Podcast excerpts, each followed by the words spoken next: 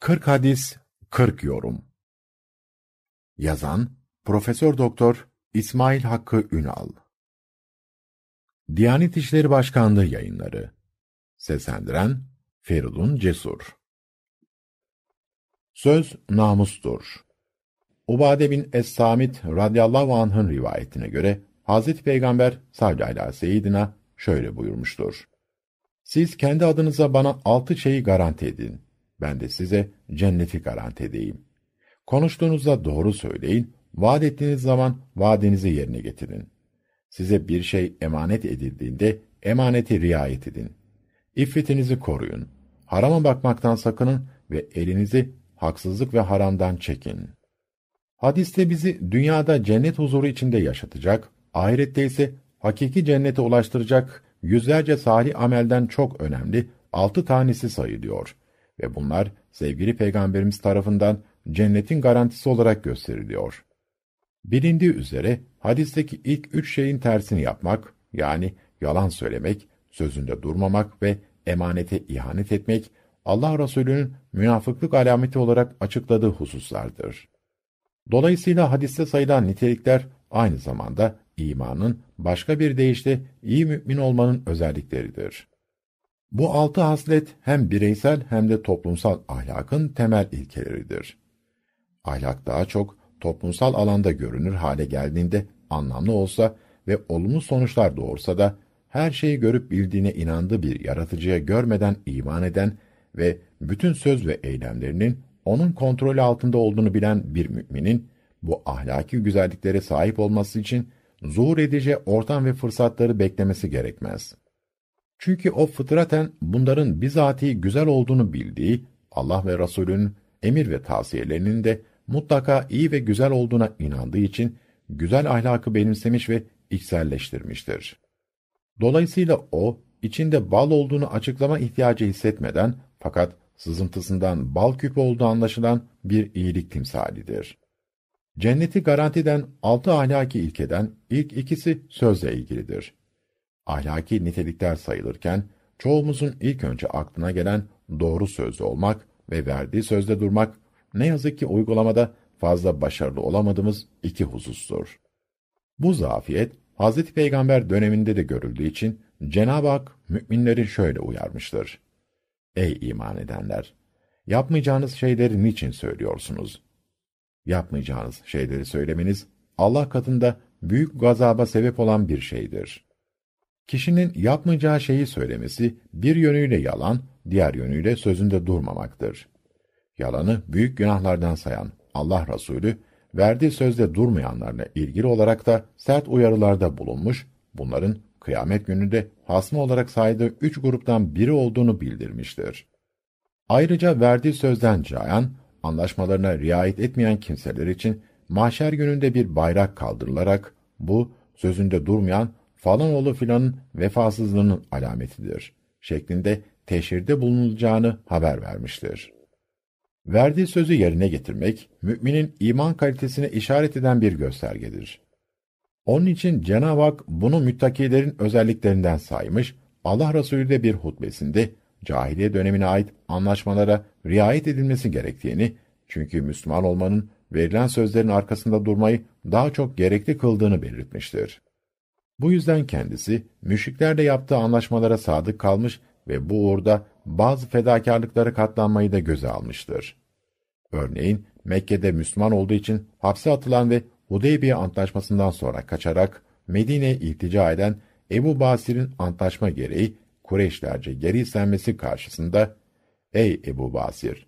Bu müşrik kavme senin de bildiğin gibi söz verdik. Dinimizde vefasızda yer yoktur. Allah sana ve seninle beraber olan Müslümanlara bir çıkış yolu gösterecektir, diyerek onu müşriklere geri göndermek zorunda kalmıştır. Ebu Basir kendisini götüren iki kişinin elinden kurtulmayı başarmış ve Hazreti Peygamber'in onun hakkındaki temennisi gerçekleşmiştir.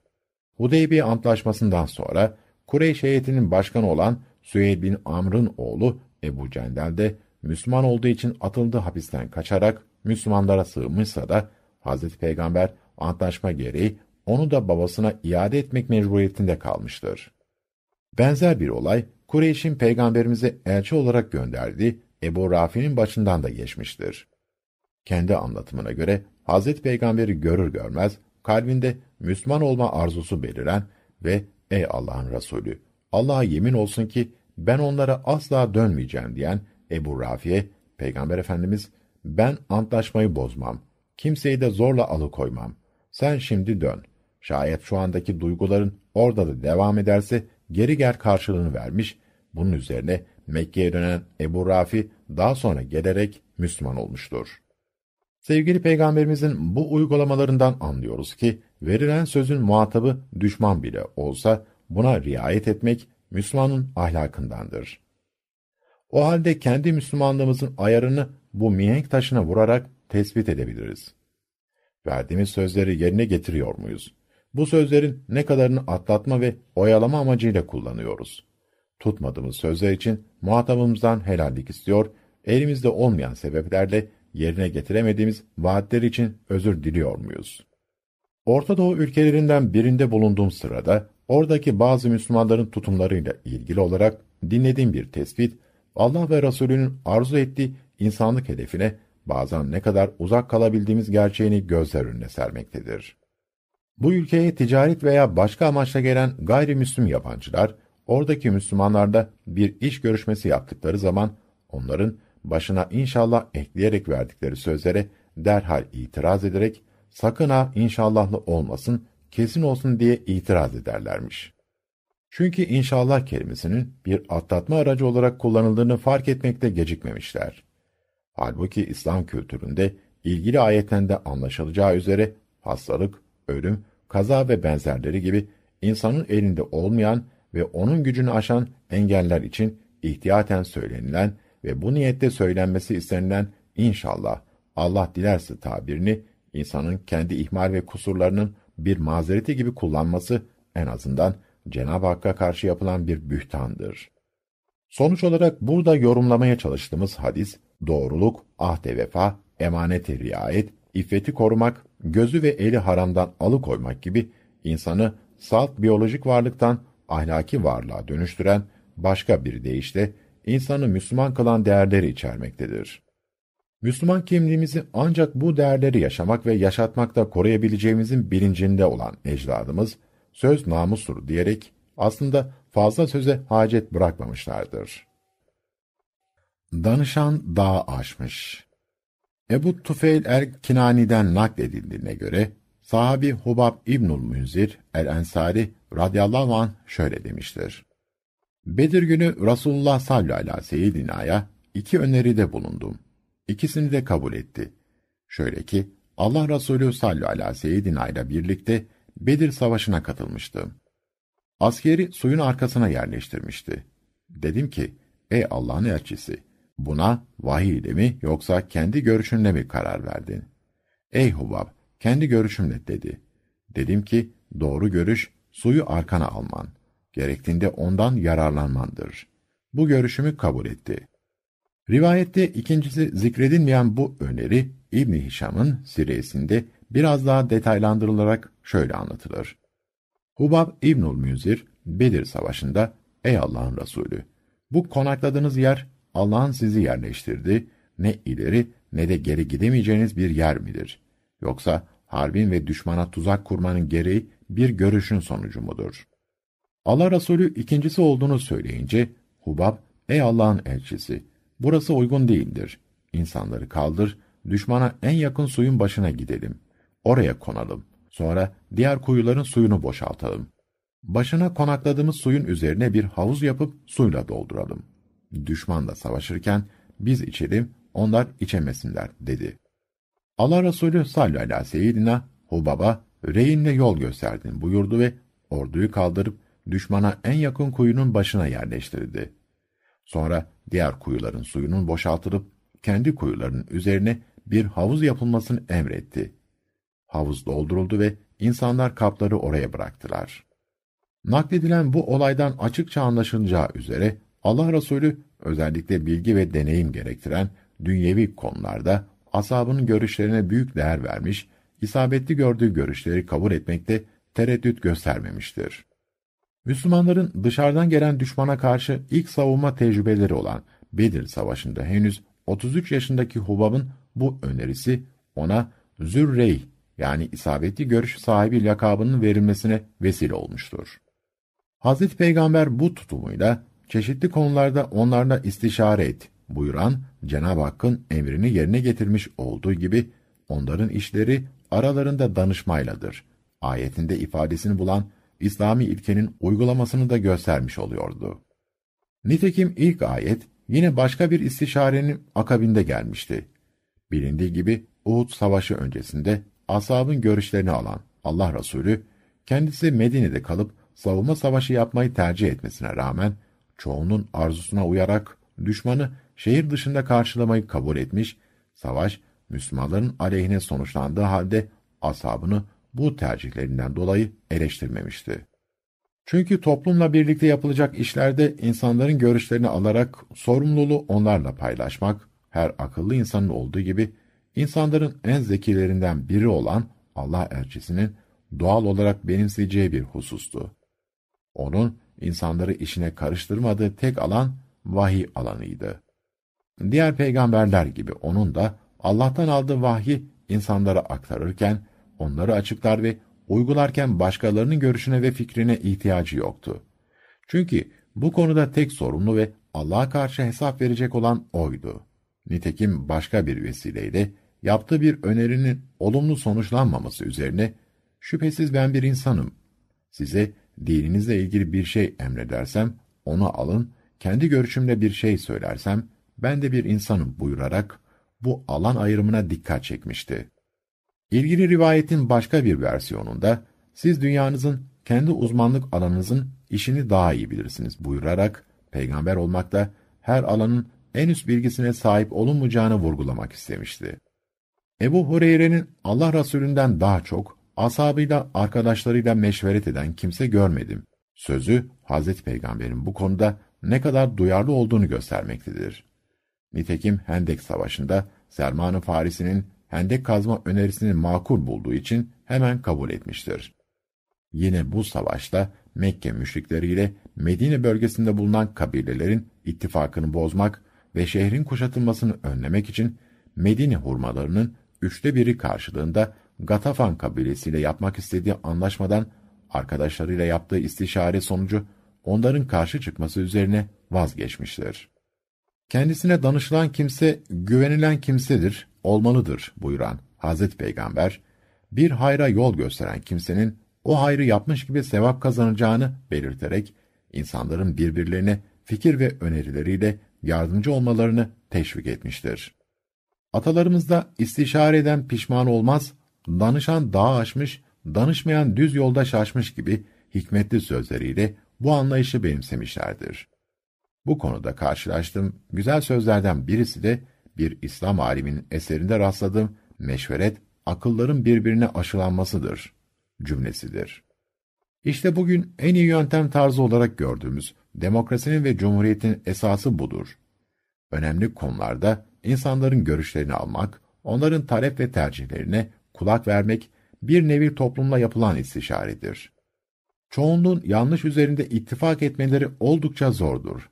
Ancak her şeyi bildiklerini düşünen kerametleri kendilerinden menkul kimselerin istişare yapmadıkları zaman en basit konularda bile yanıldıkları her zaman görülmüştür.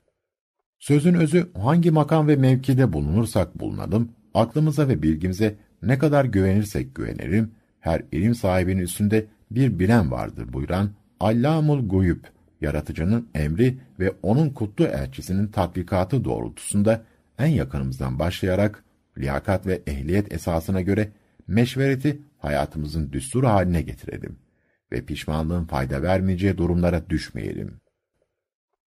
İki alemin imarı Enes bin Malik radıyallahu anh'tan nakledildiğine göre Allah Resulü sallallahu aleyhi ve şöyle buyurdu. Bir Müslüman bir ağaç diker veya ekin eker de ondan bir kuş, bir insan ya da bir hayvan yerse o kişi için sadaka olur.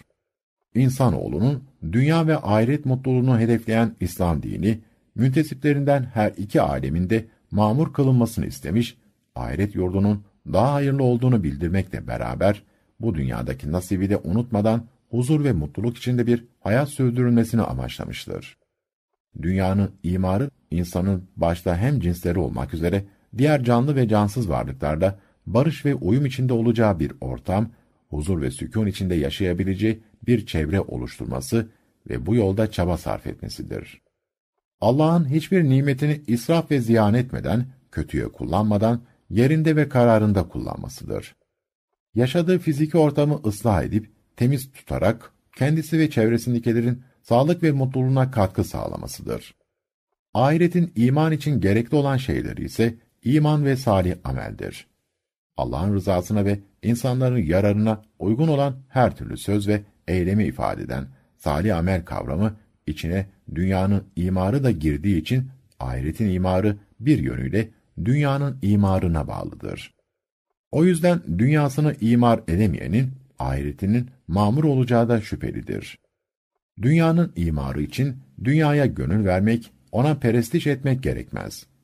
Bunun için mutlaka zenginlikte şart değildir. Örneğin az önce anlamını verdiğimiz hadisin gereğini yerine getirip bir fidan dikmek ya da ekin ekmek bu imarın bir parçasıdır. Fazla masrafa girmeden çevremizde yapacağımız bir düzenleme, doğal çevrenin korunmasına ve temizliğine göstereceğimiz özen bu çerçeve içerisinde yer alır. Fıtratımızda mevcut güzellik ve estetik duygusunun işaret ettiği yönde göstereceğimiz bütün çabalar, mamur bir dünyanın inşası için önemli adımlardır.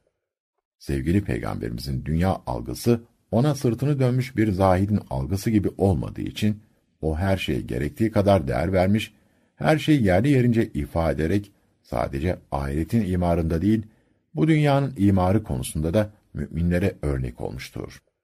Onun için 15 asır öncesinden çevremizi ve doğayı koruma konusunda önemli uyarılarda bulunmuş, bu amaçla kendi döneminde bir yandan yeni koruma alanları ilan ederken, diğer yandan insanları ağaç dikmeye teşvik etmiştir. Bilindiği gibi Hz. İbrahim'den beri çevresi haram yani saygın ve dokunulmaz bölge kabul edilen ve bu yüzden ağaçlarının kesilmesi, bitkilerinin koparılması ve canlarının öldürülmesi yasak kılınan Mekke bölgesi yanı sıra Hz. Peygamber Medine bölgesini de bu statüye dahil etmiş ve buradaki hayvanların avlanmasını, ağaçlarının kesilmesini de yasaklamıştır. Taif halkının isteği üzerine Taif Vadisi'nde koruma altına alarak bunu ihlal edenlerin cezalandırılacağını bildirmiştir. Bir nevi günümüzün sit alanları uygulamasını hatırlatan bu tatbikat, insanların yaşadıkları çevreye karşı nasıl saygılı ve duyarlı davranmaları gerektiğini gösteren bir modeldir. Ayrıca o, insanları boş alanları değerlendirmeye ve ağaçlandırmaya teşvik etmiş ve bir hadislerinde kim ölü bir araziyi ihya ederse, canlandırırsa bundan dolayı sevap kazanır ve orada yenilen şeyler ihya eden için sadaka olur buyurmuşlardır. Başka bir hadislerinde de kıyamet kopsa bile elinde bir ağaç fidanı bulunan kimse onu dikmeye imkan bulursa diksin buyurarak yararlanma imkanına bakmaksızın bizatihi güzel bir işin ertelenmemesi konusunda insanlara mesaj vermiştir. Her şeyi bir ölçüye göre yarattığını bildiren Cenab-ı Hak, bu ölçülerin korunması görevini emaneti yüklenen insanoğluna vermiştir. Bu görevi gereği gibi yerine getiremeyen insanların elleriyle işledikleri yüzünden karada ve denizde nasıl bir bozulmanın ortaya çıktığını da yine o haber vermektedir. Dolayısıyla Cenab-ı Hakk'ın bir ölçü ve denge içinde yarattığı kainatı ve içinde yaşadığımız dünyayı şenlendirmekte, harabeye çevirmekte bizim elimizdedir.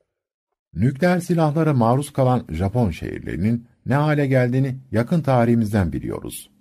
Geniş çaplı bir savaşta bu silahların topyekün kullanımı halinde dünyamızın sadece bizler için değil, diğer bütün canlı varlıklar için de nasıl yaşanılmaz hale gelebileceğini kestirmek güç değildir. Küresel ısınmanın tehlikeli bir boyuta geldiğini ve acil önlemler alınmazsa bütün canlılar için telafisi güç zararlar doğacağını söyleyen günümüz bilim insanları bu felaketin müsebbibi olarak modern insanın doymak bilmeyen iştaha ve ihtirasını maddeden gelişmiş ülkelerinde bu iştahaya çanak tutan kazanma hırsını göstermektedirler. Ayetinde işaret ettiği gibi bozulma insan eliyle gerçekleşmektedir. Çözüm eşya ve tabiata bu evreni yaratan ve kurallarını koyan yüce yaratıcının ve onun mesajlarını bize ileten sevgili elçilerin öğretilerini dikkate alarak yaklaşmak ve bu doğrultuda hareket etmektir. Onun için gökte ve yerdeki bütün canlı ve cansız varlıkların Allah'a tespit ettiği gerçeğini Kur'an'dan öğrenen Müslüman, tabiata zarar verecek her davranışın günah olduğu bilinciyle hareket edecektir.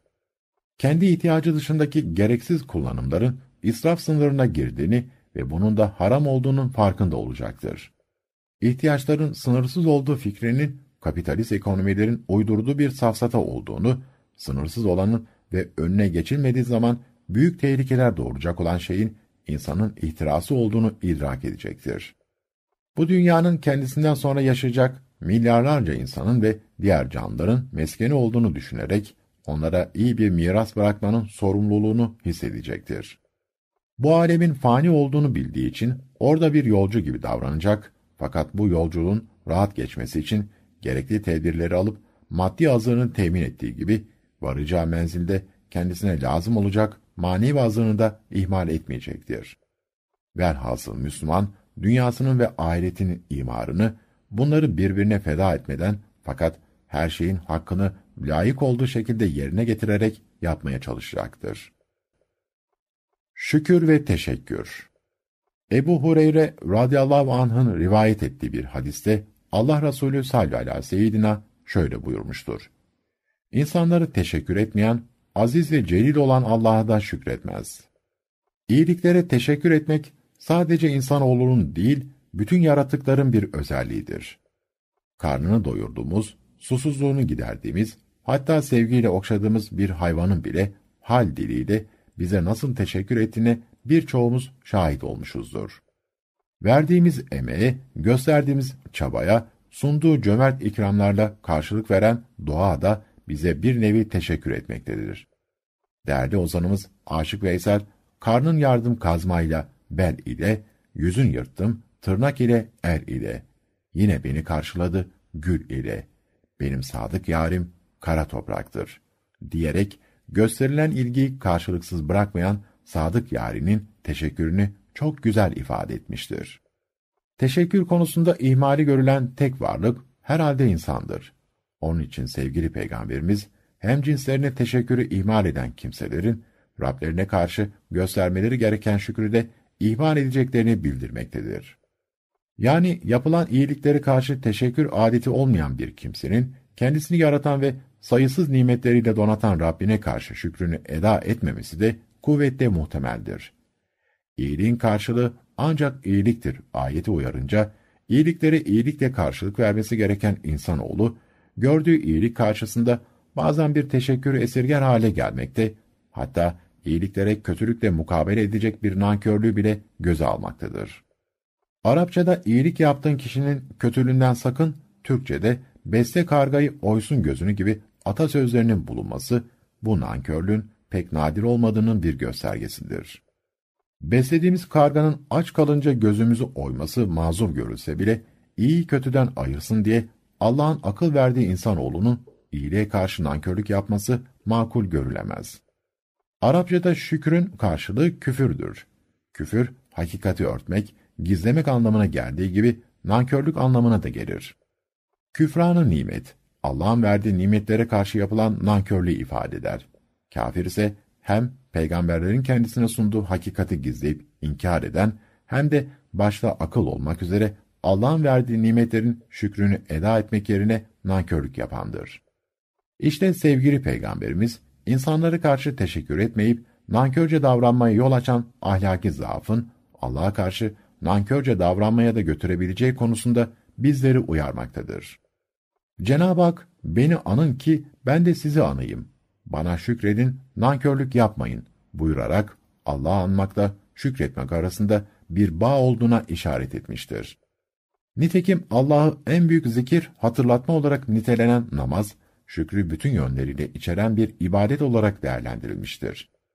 Kendisinin geçmiş gelecek bütün günahları bağışlandığı halde, niçin ayakları yarılana kadar çok namaz kıldığı sorusunu yönelten Hazreti Ayşe'ye, şükreden bir kul olmayayım mı cevabını veren Allah Resulü sallallahu aleyhi ve seyyidina da namazın en güzel şükür ifadesi olduğuna dikkat çekmiş olmaktadır. Verdiği nimetlere karşı kullarının ne kadar az şükrettiklerini birçok ayette hatırlatan Cenab-ı Hak, bazı ayetlerde de insanın çok nankör, kefur olduğunu bildirmiştir. Aslında nankörlük şeytanın sıfatıdır. Çünkü o Rabbine nankörlük etmiştir. Halbuki Allah insanın önüne ya şükrederek ya da şeytan gibi nankörlük ederek kat edeceği bir yol açmıştır.